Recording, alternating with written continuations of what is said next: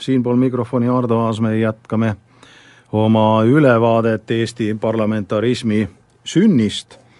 Ja kui me rääkisime Eestimaa kubermangu maanõukogust ja tema tegemistest, siis pärast seda, kui ta kokku tuli, hakkas ta muutuma üsna toimekaks ja vaatamata sellele, et kõrgemate ametikohtade määramine oli justkui Peterburi ehk keskvalitsuse asi, siis mitmed ümberkorraldused Eestimaal toimusid just nimelt maanõukogu eestvedamisel, kas või Eesti kooli õppekeele viimine eestikeelseks, samuti kohaliku omavalitsuse ümberkorraldamine ja nende volituste laiendamine, rüütelkonna tähtsuse vähendamine, mida oli muidugi vähendatud juba esimese ilmasõja algusest saadik, kui Eestimaal ja üldse Venemaal võttis maad Saksa vastasus. aga juba seitsmendal septembril toimus maanõukogu kinnine istung ja seal esimest korda arutati ka seda, et kas Eesti ei peaks olema mitte iseseisev. ja põhjused olid väga lihtsad.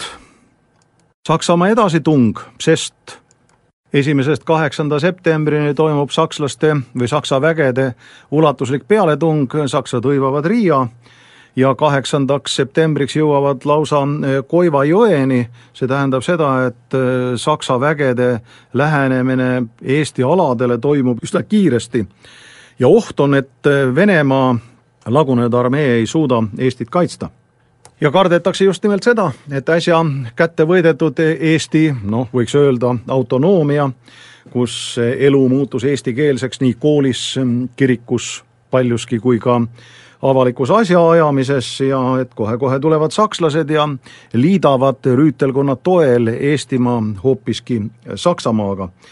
nii et seda asja arutati, kuid olukord teravneb veelgi kui kaheteistkümnendal oktoobril tuhande üheksasaja seitsmeteistkümnendal aastal saksad hõivavad Saaremaa ja Muhumaa, osa Eesti polgumehi, kes teenisid siis Vene sõjaväes, need siis sattusid ka vangi, täpsemalt esimesest Eesti polgust satub Saksa vangi tuhat viissada üheksakümmend kaheksa sõdurit ja ohvitseri. sakslased ei piirdu ju Saaremaa, vaid ka Hiiumaaga, mistõttu kahekümne viienda oktoobri maanõukogu istungil valitakse selle alaliseks esimeheks juba Otto Strandman ja tema asetäitjateks Jüri Jaakson ja Nikolai Köstner, kõik väga tuntud mehed, ja tehakse muudatusi ka maavalitsuse struktuuris ja koosseisus. Ja maavalitsuse esimeheks ja administratiivosakonna juhatajaks saab juba tollel ajal Konstantin Päts. Ehk võiks öelda, et Eesti ala täitevvõimu juht. haridusosakonna juhatajaks saab Peeter Põld, tervishoiuosakonna juhatajaks Konstantin Konik ja nii edasi see tähendab seda, et on jõutud nii kaugele, et esinduskogu hakkab määrama ka täitevvõimu ja vastavalt sellele, kes selle siis ka määrab, vastavalt sellele on siis ka vastutus. kõik see ei kesta muidugi kaua, sest eh, varsti tuleb enamlaste riigipööre ja see on umbes kümne päeva pärast möödub vaid kolm päeva, kui seesama maanõukogu võtab vastu ajaloolise otsuse, kui nii võib öelda. seda arutatakse, tõsi küll, ainult kakskümmend viis minutit, sellepärast et kõik mm, on eelnevalt eh, juba läbi arutatud ja kooskõlastatud ning selle otsuse alusel otsustatakse kokku kutsuda Eesti asutava, asutav kogu. selle asutava kogu ülesandeks on riiklise korra äramääramine demokraatliku ja täieõigusliku võimu loomine Eestis ja teiste küsimuste otsustamine. asutav kogu oli tol ajal üldse moes, sest kõik asutava kogu valimise ja kokkukutsumisega seotud küsimused antakse maanõukogu juhatuse, vanemate kogu ja maavalitsuse ühiseks otsustamiseks, kuid samal ajal volitatakse neid ühendust võtma ka Eestimaa Nõukogude täitevkomiteega, et vältida soovimata lahkuminekuid Eesti asutava kogu valimiste asjus. Nimelt Ähm, enamlased olid moodustanud ju Eestimaa Nõukogude täitevkomitee ehk kehtis teatud mõttes äh, kaksikvõim, kuid loodeti kokkuleppele jõuda, et Asutav Kogu on siis see, mis kõik küsimused lõplikult otsustab. ja olgu siinkohal öelda, et Eesti Asutava Kogu kokkukutsumise ja valimise aluseks oli võetud ähm, Venemaa Asutava Kogu valimise seadus olgu jällegi nenditud, et ähm, maanõukogu otsus äh, valida Eesti asutav kogu toimus ju päev hiljem, kui lõppes Venemaa asutava või lõppesid Venemaa asutava kogu valimised. ülevenemaaliselt võitsid valimised esseerid, saades viiskümmend kaheksa protsenti, Eestis aga oli pilt teistsugune, sest Eestimaal osutus võitjaks või osutusid võitjaks bolševikud, kes said nelikümmend koma neli protsenti häältest ja olgu siinkohal öeldud, et veel kord öeldud, et Narvat ju tol ajal meil Eestis hääletajate hulgas ei olnud, demokraatlik plokk sai poole vähem peaaegu, see on siis kakskümmend kaks koma viis protsenti ja nii edasi ja nii edasi. kuid päev enne Maanõukogu otsust, kahekümne kaheksandal novembril viia läbi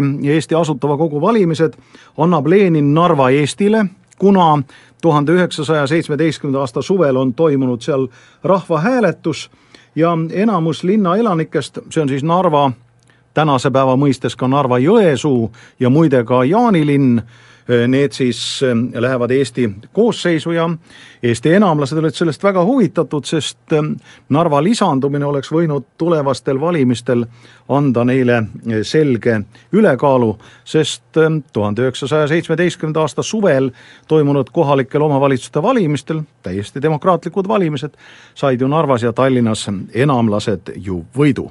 Tallinnas teatavasti sai volikogu esimeheks Jaan Anvelt ja linnapeaks siis äh, Voldemar Vöölmann, kes oli ka enamlane.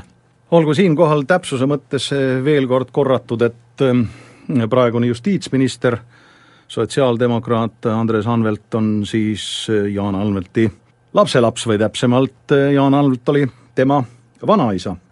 kaheksateistkümnendal jaanuaril ajavad Vene enamlased Peterburis Venemaa Asutava Kogu laiali ja sellest Asutava Kogu tööst võtsid Eestist osa Julius Seljamaa, Jaan Poska ja Jüri Vilms.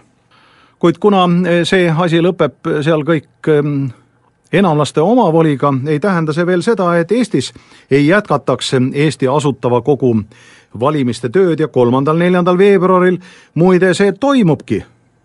juures võimul on Eesti enamlased, Peterburis on enamlased Asutava Kogu laiali saatnud, aga vaatamata sellele Eestis Eesti kommunistid osalevad selles aktiivselt ja valimised toimuvad kõik nende loal. ning äh, valimiste järel kokku kutsutava Asutava Kogu esimene istung oli kavandatud viieteistkümnendaks veebruariks.